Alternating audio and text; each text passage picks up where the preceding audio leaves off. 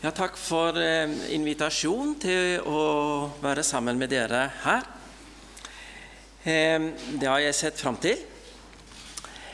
Eh, dette foredraget og boken med samme tittel det har jo en tittel og et tema som kanskje kan høres litt vel optimistisk ut, og kanskje også litt naiv. Er det mulig å lese Bibelen uten filter? Kommer vi ikke alle, både til lesningen av Bibelen og alle andre bøker, med forutsetninger som er med på å forme oppfatningen av det vi leser? Er det mulig å skjalte ut de forstyrrende elementene og så å si koble seg rett på kilden, sånn at resultatet blir helt genuint og uangripelig? Jeg tror ikke det er mulig. Vi kan ikke sette parentes rundt egne forutsetninger. Men poenget med tittelen er et annet. Vi leser nødvendigvis Bibelen ut fra bestemte forutsetninger, men er disse forutsetningene sakssvarende? Bibelen er blitt til på bestemte premisser og ut fra en bestemt virkelighetsoppfatning som til en viss grad lar seg identifisere. Og De premissene må også få være med å styre vår tolkning. Hvis ikke så legger vi bare våre egne fordommer inn i teksten. Og det gir lite forståelse. Da er det sjaltet inn et filter mellom Bibelen og oss, som gjør at vi ikke får tak i det Bibelens forfattere prøver å si. Og Hva er det i så fall for et filter, og er det noe vi kan gjøre for å bremse dets skadevirkninger? Det jeg er ute etter, er altså ikke en forutsetningsløs bibellesning, men en bibellesning som lar våre forutsetninger settes på prøve av Bibelens egne premisser og forutsetninger. Det tror jeg er mulig å få til, bl.a. fordi dette ikke er noe som er spesielt for bibellesning. All litteratur må leses i lys av de forutsetninger den er blitt til under. Ellers kan fortolkningen bli nokså merkelig. Målsettingen er altså at vi vil ha bort det filteret som lar egne kulturelt bestemte fordommer styre bibellesningen. Tittelen på dette foredraget den antyder at dette forstyrrende filteret har noe å gjøre med den epoke som vi kaller moderniteten. For det er snakk om førmoderne bibellesning. Moderniteten begynner med opplysningstiden, altså eh, i det 18. århundre. Og langt på vei er det der vi befinner oss fremdeles. Tittelen på foredraget antyder altså at de forutsetninger vi mer eller mindre bevisst har tilegnet oss, fordi vi lever i den tid vi lever i, virker forstyrrende på vår bibellesning, og at vi derfor må tilbake til fortidens måte å lese Bibelen på, for at vi skal forstå den på en saksvarende måte. Det er i så fall ingen enkel oppgave. For det første representerer moderniteten en enorm vekst i kunnskap og innsikt på nesten alle livets områder. Og kunnskap har det ved seg at når den først er tilegnet, er det ikke mulig å bare legge den bort igjen. Derfor kan vi ikke bare legge vekk samtidens virkelighetsforståelse og lese Bibelen som om det førmoderne verdensbildet var vårt. For slik er det ikke. Vi er alle moderne mennesker. For det andre er det umulig å være seg fullt ut bevisst samtidens forutsetninger, fordi de i stor grad er selvfølgelige og derfor vanskelige å bevisstgjøre. Av de to grunnene er filterfri i betydningen førmoderne bibellesning et ideal som aldri kan realiseres. På den annen side så er historiske endringsprosesser det er noe som lar seg studere. Det er mulig å identifisere kjennetegn ved det førmoderne og stille spørsmålet når, hvorfor og med hvilke konsekvenser ble disse oppfatningene endret. Hva er det viktigste trekk ved førmoderne bibellesning? Og hvordan endrer disse seg når vi kommer til opplysningstiden og moderniteten? Det er et historisk spørsmål, og det spørsmålet lar seg besvare. Men når vi bevisstgjør oss disse endringsspørsmålene, så konfronteres vi i forlengelsen av det nødvendigvis også med et annet spørsmål. Var alle disse endringene saklig sett berettiget? La gå at moderniteten på mange måter er en suksesshistorie når det gjelder kunnskapsproduksjon og teknisk utvikling. Men er det i seg selv en garanti for at dens allment aksepterte forutsetninger er riktige? Det er forskjell på suksess og sannhet. I dette foredraget er jeg altså ute etter prinsippene, forutsetningene, premissene for en saksvarende bibellesning.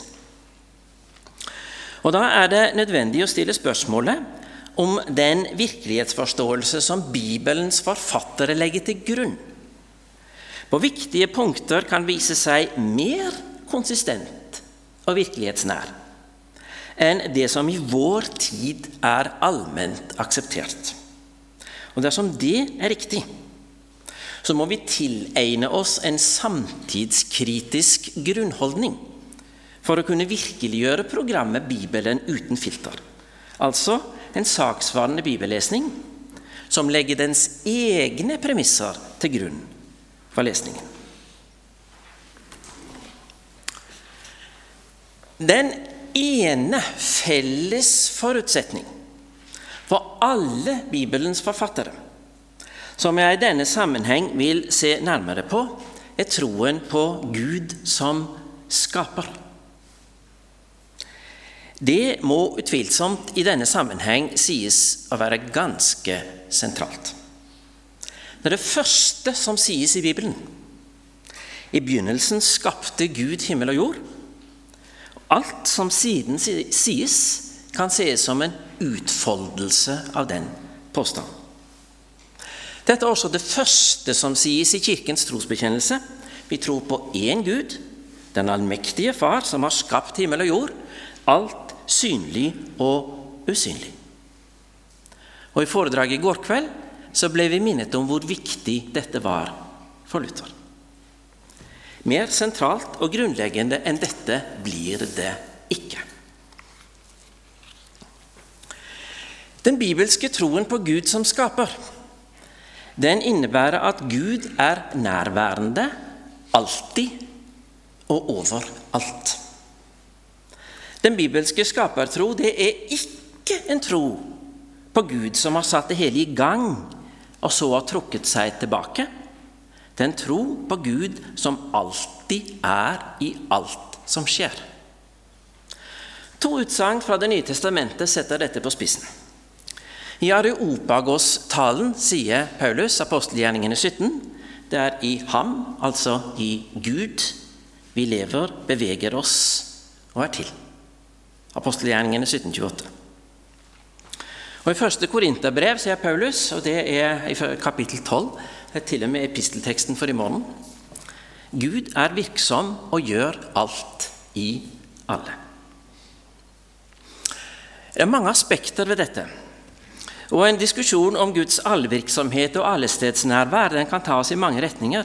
Men det som jeg i denne sammenheng ønsker å fokusere på, det er dette at Gud er nærværende i det som skjer. Det betyr at det som skjer, er viktig. Det har betydning. Det vil si oss noe. Når vi lever i en verden vi oppfatter som meningsfull, skyldes det at vi lever i en verden Gud har skapt, og han ønsker å si oss noe gjennom det som skjer her. Fortellingen om skapelsen i Første Mosebok den henter fram to trekk ved den verden vi lever i, og peker på dem som særlig viktige når det gjelder å forstå verden som Guds selvmeddelelse til oss.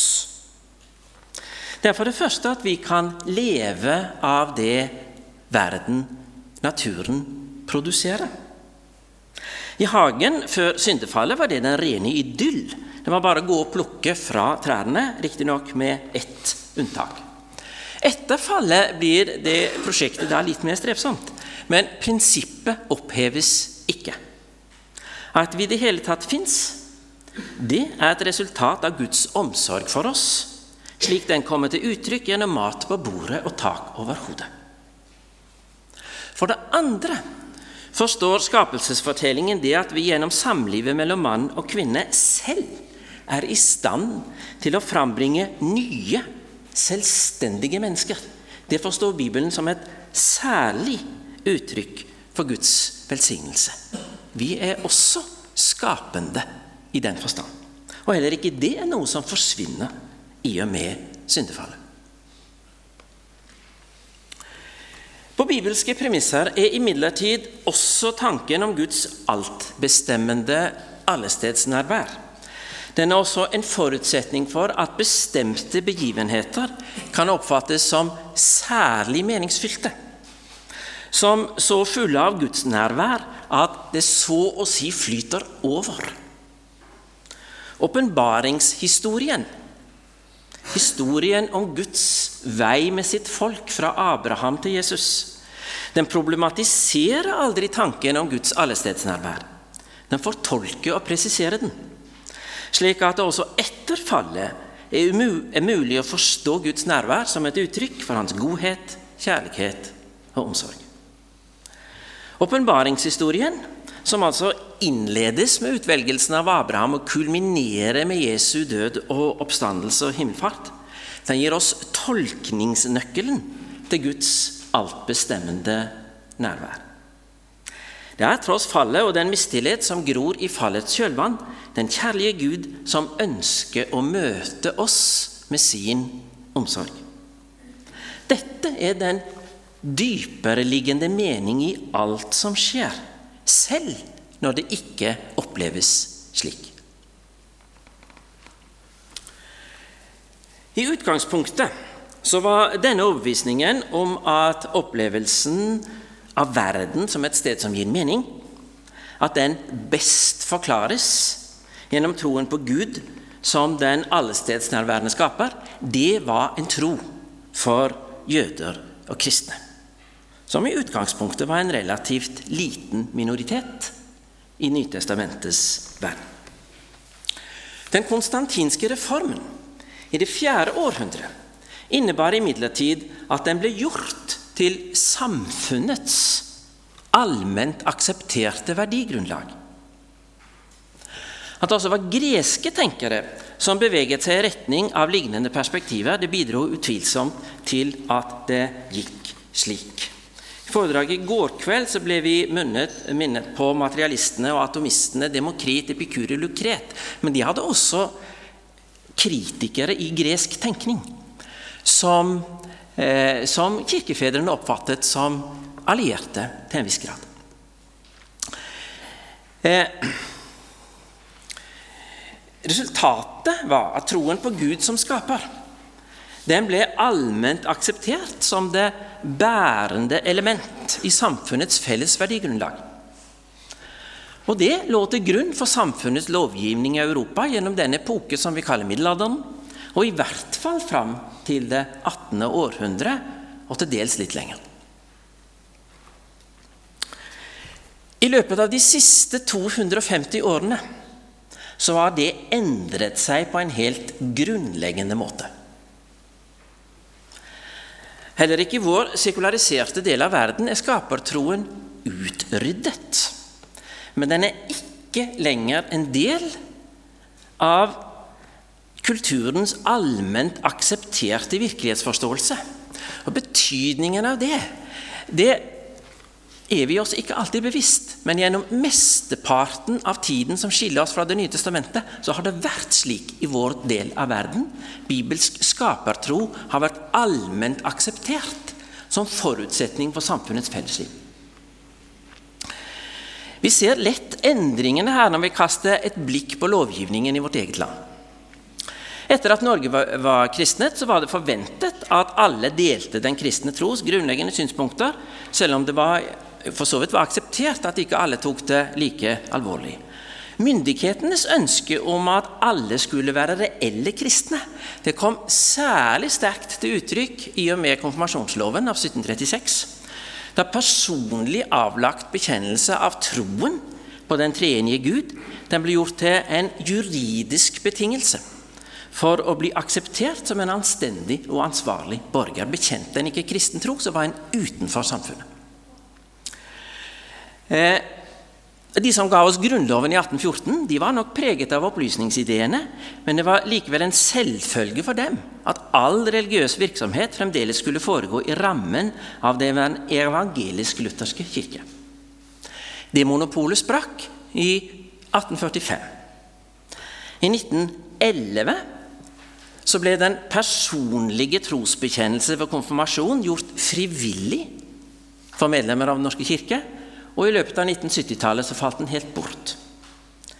Etter innføringen av ny ekteskapslov i 1918 var ikke lenger ekteskapet juridisk sett konstituert ved den guddommelige innstiftelse, men ved ektefellenes enighet. Derfor kunne ekteskapet oppløses når de var enige om det. Slik hadde vi hatt det siden 1918. Og det var ikke lenger nødvendig å inngå ekteskap i kirken. Etter 1969 så var ikke lenger skolens kristendomsundervisning å forstå som kirkens dåpsundervisning. I 1972 ble forbudene mot homoseksuelle forbindelser og det som den gangen ble kalt konkubinat, som vi nå kaller for samboerskap, ble opphevet. Forbudet mot Eh, provosert abort var da allerede blitt gradvis svekket, og vi fikk den nåværende lovgivning med, eh, med provosert abort som allment akseptert i den 12. svangerskapsuke i 1975. I 2009 ble ekteskapsforståelsen grunnleggende endret ved at det ble tillatt for mennesker av samme kjønn å gifte seg, og i 2017, etter 2017 kan slike ekteskap også inngås i Kirken. Mitt poeng er ikke at alle disse endringene var uberettigede. Og Jeg ønsker slett ikke å skru tiden tilbake til den tiden vi hadde et statskirkelig religionsmonopol. Det ville i så fall uansett være et fåfengt prosjekt. Men i et historisk perspektiv så er det likevel vanskelig å unngå inntrykket av dette som ganske dramatiske elementer i en sekulariseringsprosess. For troen på Gud som skaper og som en konsekvens av dette også troen på Jesus som frelser, skyves bort fra samfunnets felles trosfundament og forvises til rommet for privat og personlig tro.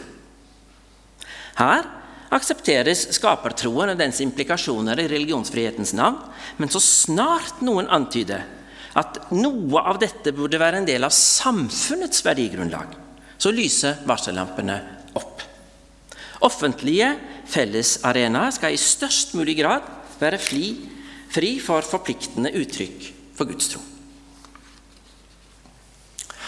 Hvordan ble dette slik?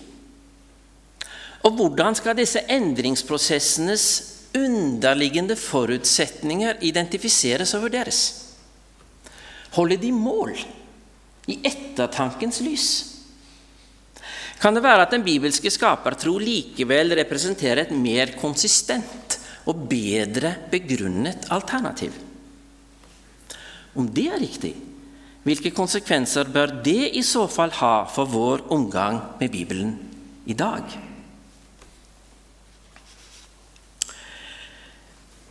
Etter min oppfatning er det svært viktig for å forstå den bibelske skapertroen at den aldri er en konklusjon på et resonnement eller en argumentasjon. Den er ikke oppstått ved at mennesker har samlet inn data om virkeligheten og så prøvd å resonnere seg fram til hvilken fortolkning av disse som er mest konsistent og rasjonell. Den er ikke blitt til slik, og det er ikke tilfeldig. En slik framgangsmåte forutsetter nemlig at mennesket er tilværelsens sentrum, og at noe for å være virkelig må være noe den menneskelige fornuft kan analysere og forstå. En så menneskesentrert virkelighetsforståelse ble problematisert allerede i gresk tenkning, og i Bibelen er den uttrykkelig avvist. Mennesket er ikke tilværelsens sentrum og opphav. Like lite som vi er årsak til vår egen eksistens, er vi opphav til verdens. Vi er primært å forstå som mottagende i forhold til den virkelighet vi er en del av. Vi er plassert her. Vi er satt inn i en sammenheng vi selv ikke rår over. Dette uttrykket i Bibelen vil jo si at verden har et opphav som er evig og uendelig, og dermed ikke underlagt de begrensninger som gjelder for det skapte.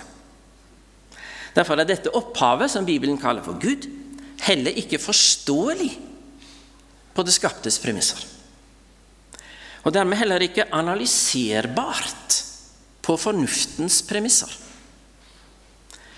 I avslutningen av Romabrevet kapittel 11 er dette uttrykt på følgende måte og dyp av rikdom og visdom og kunnskap hos Gud.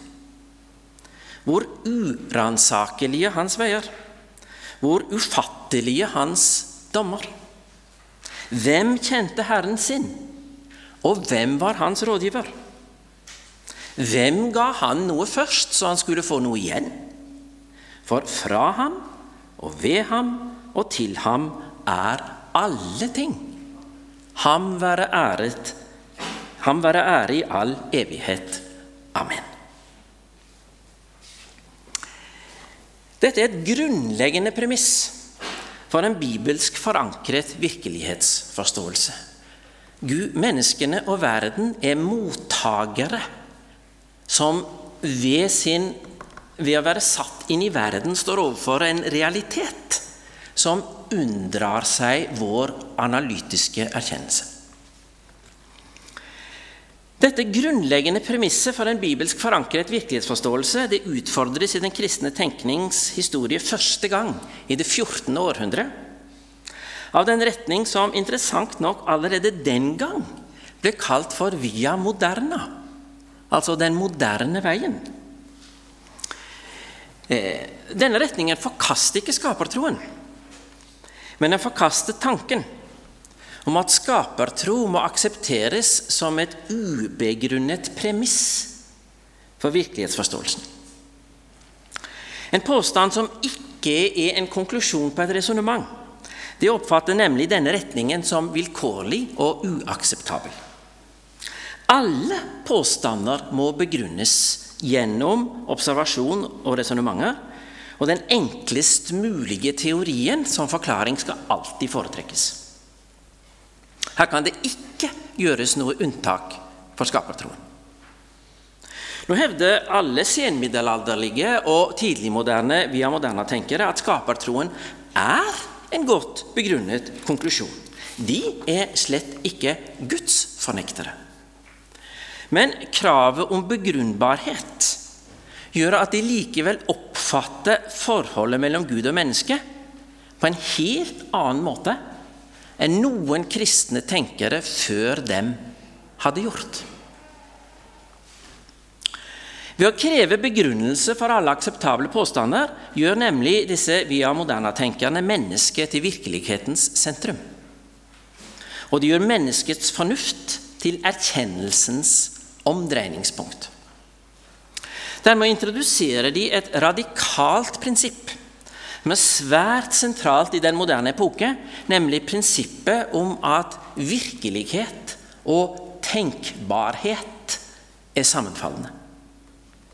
Det som ikke kan tenkes på fornuftens premisser, kan ikke være virkelig. Dette trenger ikke fungere kristendomskritisk, og lenge gjorde det heller ikke det. Men det er, den, det er likevel en avvisning av den Guds- og virkelighetsforståelse som Bibelen målbærer, og som ligger til grunn for den førmoderne bibellesning. Vi har Moderna-kravet om skapertroens begrunnelse. Det er sekulariseringens surdeig, som etter hvert har kommet til å gjennomsyre hele deigen. Moderniteten har altså sin spede begynnelse i det 14. århundre og slår ut i full blomst i det 18. århundre. Utviklingen fra det 14. til det 18. århundre framstilles iblant ved at en hevder at det var mye av moderna krav om begrunnbarhet som ledet til kravet om observasjonsbasert vitenskap, som igjen var grunnlaget for det vi gjerne kaller for det moderne vitenskapelige gjennombrudd, som så igjen framstilles som sekulariseringens årsak. Denne historiefortellingen tror jeg er grunnleggende feil. Det var ikke slik dette skjedde. Når kravet om en erfaringsbasert naturvitenskap første gang fremmes, og det skjer i det 15. århundre, så er det begrunnet i prinsippet om skaperens uforståelighet. Det er simpelthen begrunnet i perspektivet fra Romerne 11. Fordi hvis skaperen ikke kan forstås, så kan skaperverket heller ikke uten videre forstås. Da må vi gjøre eksperimenter og observasjoner for å se hvordan det henger sammen.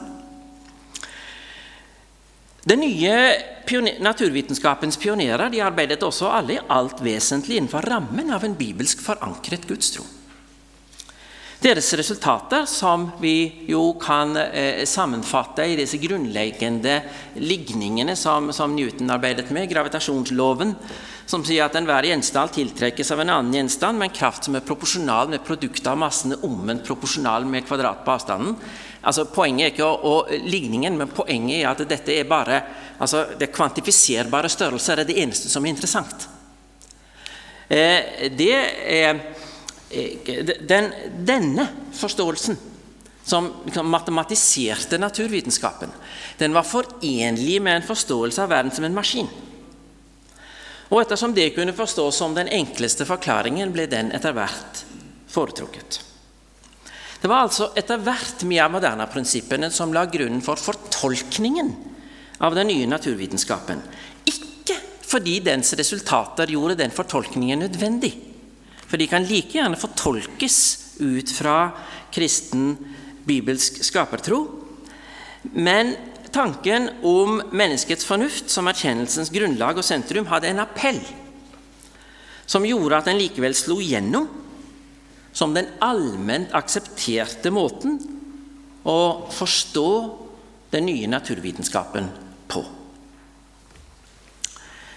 Modernitetens fortolkning av naturvitenskapen den førte altså til at verden ble forstått som en maskin, hvor målbare fakta forholder seg til hverandre på måter som presist beskrives ved matematiske likninger. Konsekvensen var at andre trekk ved virkeligheten, altså de som ikke lot seg måle og kvantifisere, de ble oppfattet som tilfeldige og uvesentlige. Årsak A har som konsekvens hendelse B, og relasjonen mellom dem kan beskrives med matematiske ligninger. I mange sammenhenger er det selvsagt en fruktbar måte å anskue virkeligheten på. Og i vår tid så er vi jo alle avhengige av at de ting som er utarbeidet på disse premissene, faktisk fungerer. Det gjelder biler og fly, datamaskiner og støvsugere, belysning og oppvarming og svært mye annet. Ingen av oss hadde sittet her hvis ikke vi hadde stolt på at dette fungerer. Problemet er at når denne modellen blir dominerende i fortolkningen av det som skjer i verden, så mister vi forståelsen av at enkeltbegivenheter er meningsfylte og dermed viktige. Alt som skjer i en maskin, det er uendelig repeterbart. Derfor fins det ikke meningsfylte enkeltbegivenheter i en maskin. Det eneste er når den er blitt til, og så eventuelt når den går i stykker. Imellom der skjer det ingenting viktig. Man kan fortsatt tro på Gud som naturmaskinens opphavsmann. Men sist det skjedde noe vesentlig, var da Gud laget maskinen og fastsatte det systemet den virker etter. Etterpå klarte den seg selv. Gud er ikke lenger virksom og gjør alt i alle. Gud er blitt arbeidsledig. Og en arbeidsledig Gud kan en jo etter hvert ganske godt klare seg uten. Og dermed så har vi havnet i det samfunn vi nå lever i, hvor offentligheten er støvsugd for uttrykk for Guds nærvær. Hva slags bibellesning leder denne demontering av skapertroen til? Bibellesning på førmoderne premisser den er alltid eksistensielt viktig. Den Gud som er virksom i det jeg opplever i mitt liv, det er den samme Gud som ropte på Adam i hagen, som ledet Israel ut av Egypt, som reiste Jesus opp av graven. Bibelen leses som historien om oss. Der møter vi det som er avgjørende i vårt liv. På den moderne mekanistiske virkelighetsforståelsens premisser kan imidlertid ikke begivenheter være meningsfulle på en eksistensielt avgjørende måte. Sannheten om verden, det tidløse premiss, eh, prinsipper som mennesker enten har avdekket eller kommer til å avdekke. Historiske begivenheter kan i høyden illustrere disse tidløse sannhetene som eksempler på årsak-virkning-relasjoner, men de kan aldri få avgjørende betydning som manifestering av guddommelig meddelelse. Her har opplysningstenkeren Gotthold Efraim Lessings kjente ord om den store, brede grøften der eh, garstige gråse graben, som skiller historisk innsikt fra troens aktuelle virkelighet. Man kan registrere og katalogisere hva som er skjedd, og så kan en utarbeide modeller for årsak-virkning-relasjoner i det historiske materialet, men en kan ikke lenger lese fortidens tekster som om de ga nøkler til forståelsen av eget liv. Grøften mellom fortid og nåtid er blitt uoverstigelig. Hvis en på disse premisser fortsatt skal lese Bibelen som noe annet og mer enn en samling eh, historiske kildetekster fra Midtøstens gamle historie, så må en lese disse tekstene som bekreftelse av tidløse sannheter som er allment begrunnbare på modernitetens premisser. Mens det som ikke gir mening, ja, det har bare historisk interesse. Fra fortidens tekster henter en altså fram elementer som altså har, antas å ha aktuell betydning eh, fremdeles.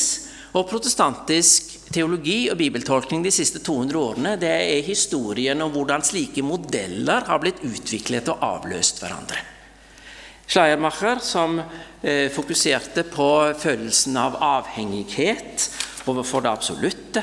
Vi har eh, Ritschel-skolen, den klassiske liberale teologi, på, på 1800-tallet, som fokuserte på de etiske pre eh, premissene, eh, prinsippene i Det nye testamentet. Vi har Boltmann-skolen i det 20. århundre, som fokuserte på budskapets appell til oppbrudd og lydighet. Og Parallelt med dette så gikk det historiske rekonstruksjonsprosesser som prosjiserte samtidens selvforståelse inn i det historiske materialet. Vi fikk Welhausens eh, rekonstruksjon av Det gamle testamentet som en historie om forfall fra fri og individuell religiøsitet i den opphavelige tiden til en institusjonalisert prestestyre. En forfallstid på, på eh, denne skoleretningens premisser. Og Jesu livforskningen, den klassiske Jesu livforskningen, som, eh, som eh, rekonstruerte Jesus som en gudfryktig og borgerlig liberaler fra det 19. århundre. Han leste, sin egen, leste sine egne idealer inn i teksten. I etterpåklokskapens lys er det veldig lett å se at alt dette er bibellesning på modernitetens premisser, som skal bekrefte dens sentrale dogme og mennesket som virkelighetens sentrum. Uansett hvor innbyrdes ulike disse fortolkningsmodellene er, så har de det fellestrekk at forståelsen av Gud som er virksom og gjør alt i alle, den kommer aldri til orde. Den kan i høyden forstås som uttrykk for det troende menneskets subjektive opplevelse av sin gudsrelasjon. Men den beskriver ikke en realitet som er avgjørende for å forstå det som skjer i verden. Og troen på Gud som skaper blir da i realiteten borte. Den mest konsekvente representanten for denne religiøse inderliggjøring er antagelig Boltzmann-skolen, som fullt ut realiserer det som jeg synes egentlig er ganske godt uttrykt allerede i Mathias Orheims salme fra 1908. Når jeg og Jesus, når jeg med Jesus alene er, da er det hugnad å leve her. Det er bare to viktige størrelser i verden, og det er jeg og Jesus i den rekkefølge. Når heller ikke de kristne teologene tror på den bibelske skapertankens kulturbærende betydning, ja, da er det ikke så rart at Bibelen i den vestlige del av verden etter hvert forsvinner fra radaren som en tekst av allmenn interesse. Dermed ender vi opp med den sekulariseringsprosessen som jeg for Norges vedkommende beskrev for noen minutter siden. Samtidig mister Kirken gradvis sitt livssynshegemoni og blir én av flere aktører på et mangfoldig livssynsmarked. Å fastholde Kirkens posisjon ved å prøve å demme opp for denne utviklingen, ja, det var en viktig motivasjon for de protestantiske teologenes tilpasningsstrategier. De skulle gjøre Kirken relevant på modernitetens premisser det er drivkraften i protestantisk eh, teologi etter opplysningstid. Det må vel i dag være rett å konkludere med at det var en strategi med begrenset suksess. Selv om folkekirkens våpendragere fremdeles iherdig arbeider etter slike prinsipper, de er nok selv de siste til å innse at tiden har løpt fra dem. De er i en viss forstand de siste konservative. Men om det jeg så langt har rakt fram, er en riktig diagnose, hva er så behandlingen? Er saksvarende bibellesning i det hele tatt mulig i det 21. århundre? Hvordan ser den i så fall ut? Avslutningsvis skal jeg forsøke å gi noen antydninger om det.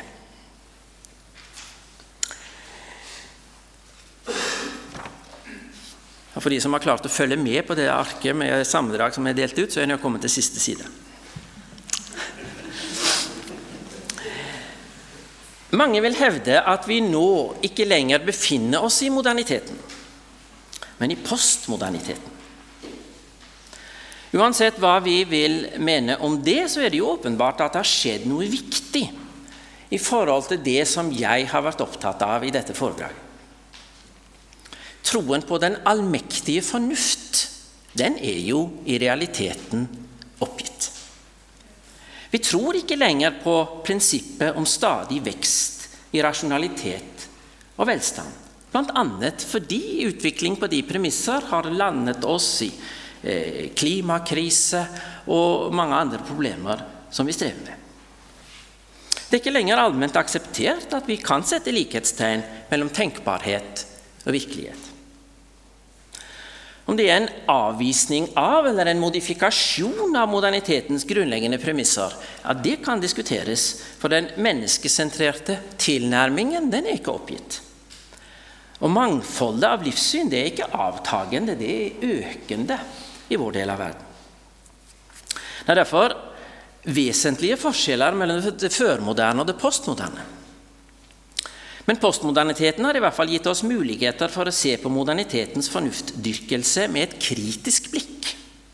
Slik jeg prøver å gjøre i dette foredraget, som slik sett i en viss forstand kan sies å være trygt rotfestet i det postmoderne. Modernitetens begrunnbarhetskriterium, altså det at alle påstander, inkludert skapertroen som virkelighetsforståelsens fundament, krever en begrunnelse. Den har alltid vært forsvart med at den hevder at alle alternativer leder til vilkårlighet. Det tror jeg er feil. Kravet om begrunnbarhet er riktignok viktig for oss i mange sammenhenger. Det er det vi må bruke for å kunne berge oss fra konspirasjonsteorier og fake news.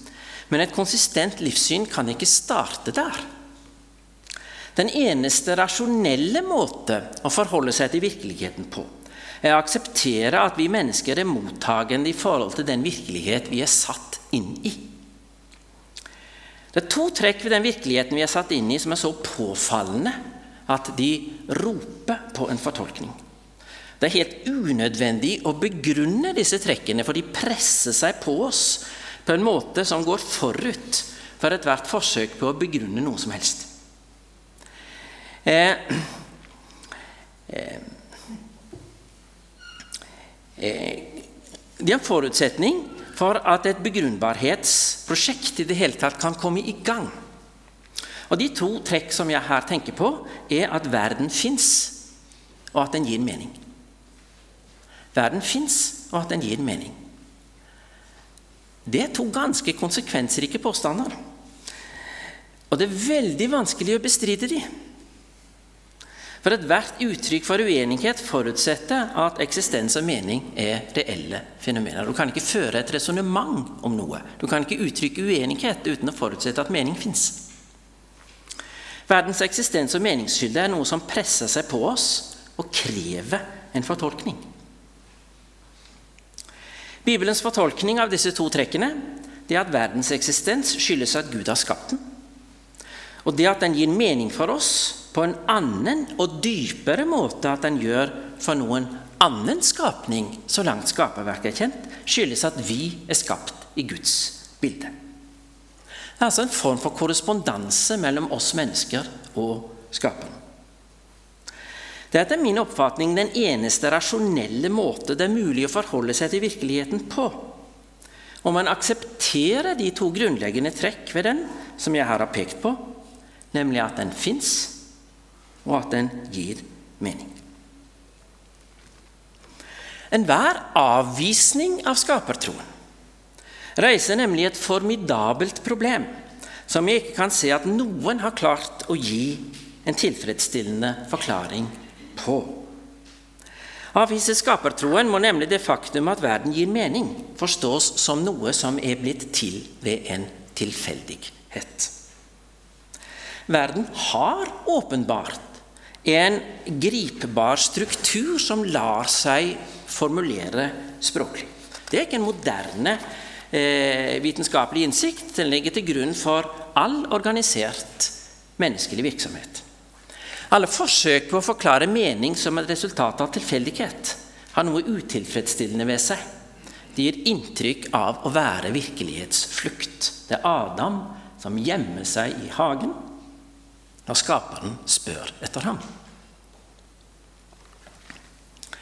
Det er altså modernitetens menneskesentrerte begrunnbarhetskrav som er irrasjonelle, ikke den bibelske skapertroen.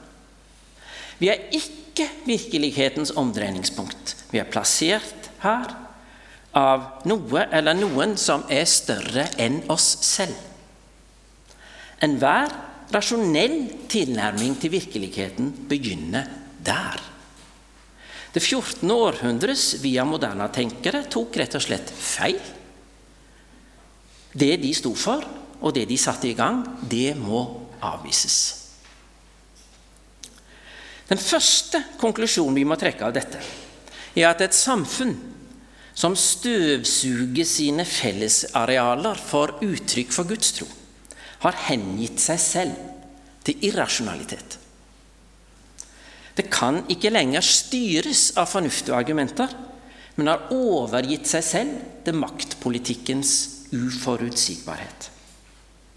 Vår tids åpenbare problem med å akseptere de biologiske realiteter knyttet til forståelsen av de to kjønn, er akkurat nå antagelig det beste eksempelet på skapelsesfornektelsens irrasjonalitet. Dette er viktig for oss som bibellesere. Som min korte oversikt over 200 års protestantisk bibeltolkning viser, har vi nemlig svært lett for å akseptere samfunnets kritikk av skapertroen og legge den til grunn for bibellesningen. Vi får et forsnevret inderlighetsperspektiv over vår bibellesning. Det går alltid galt. Vi leser ikke Bibelen riktig før vi aksepterer den som skaperens selvmeddelelse til oss. Det er Han som har skapt himmel og jord, og som er til stede i alt som skjer. som i Bibelen forteller oss hvem Han er, og hva Han vil oss. Den innsikt Han da gir oss, den går langt utover hva vi ville være i stand til å tenke oss ut på egen hånd. Dette er noe annet og mer enn en fortolkning av de åpenbare trekk ved virkeligheten. Det er som Paulus sier eh, i, i 1. Korinterbrev, det var noe som ikke oppkom i menneskets tanke. Men det er fremdeles ikke noe irrasjonelt ved det han sier oss. Det er fremdeles Skaperen som meddeler seg til oss. Det er han som holder alt i sin hånd, og som gjennom fortellingen om Jesus skaper tro i oss.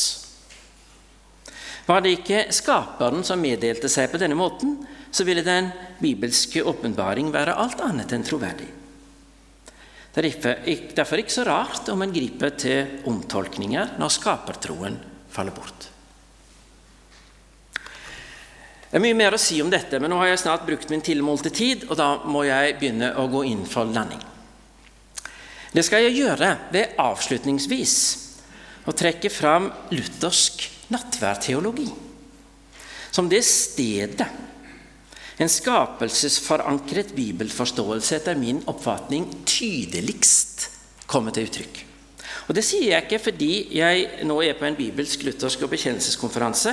Jeg sier det fordi jeg mener at dette er det punktet i teologihistorien hvor en adekvat i betydningen skapelsesbasert bibellesning tydeligst kommer til uttrykk.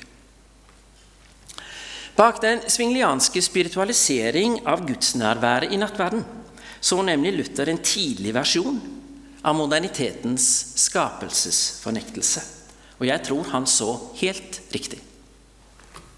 Hans motstrategi var derfor å avvise Svinglis problemstilling. Det interessante med nattverden er, slik Luther utlegger dette, ikke at Guds sønn der er legemlig til stede. For det er han alltid og overalt. Dersom Gud alltid er virksom og gjør alt i alle, ja, da er Sønnens fysiske allestedsnærvær en helt elementær konsekvens av inkarnasjon. For Luther er dette en allmenngyldig sannhet som er rasjonelt gripbar. Svinglis nærværfornektelse er ren irrasjonalitet. Guds allestedsnærvær er det rasjonelle fundament for enhver sann og sunn nattverdteologi, som det er for enhver sann og sunn nattbibelutleggelse. Det spesifikke med nattverden, det som går ut over det rasjonelle, er løftet om at der er Gud for oss. Der tar Han oss inn i den virkelighet som ble skapt da Hans sønn på korset sonet for alle våre synder. Det er adekvat bibelutleggelse som ser skaperens skapende nærvær i det som skjer når Guds ord lyder for oss. All saksvarende bibelutleggelse vil etter min oppfatning begynne her. Den legger til grunn at Gud er i brødet og i vinen og i alt annet. Og Gjennom den bibelske historien forklarer Gud for oss at han i alt dette er der med sin skapende kjærlighet. Sammenhengen er tydelig uttrykt i 2. Korinterbrev kapittel 4 vers 6, så Paulus skal få det siste ordet. For Gud, som sa 'lys skal stråle fram fra mørket', han har også latt lyset skinne i våre hjerter, for at kunnskapen om Guds herlighet i Jesu Kristi ansikt skal lyse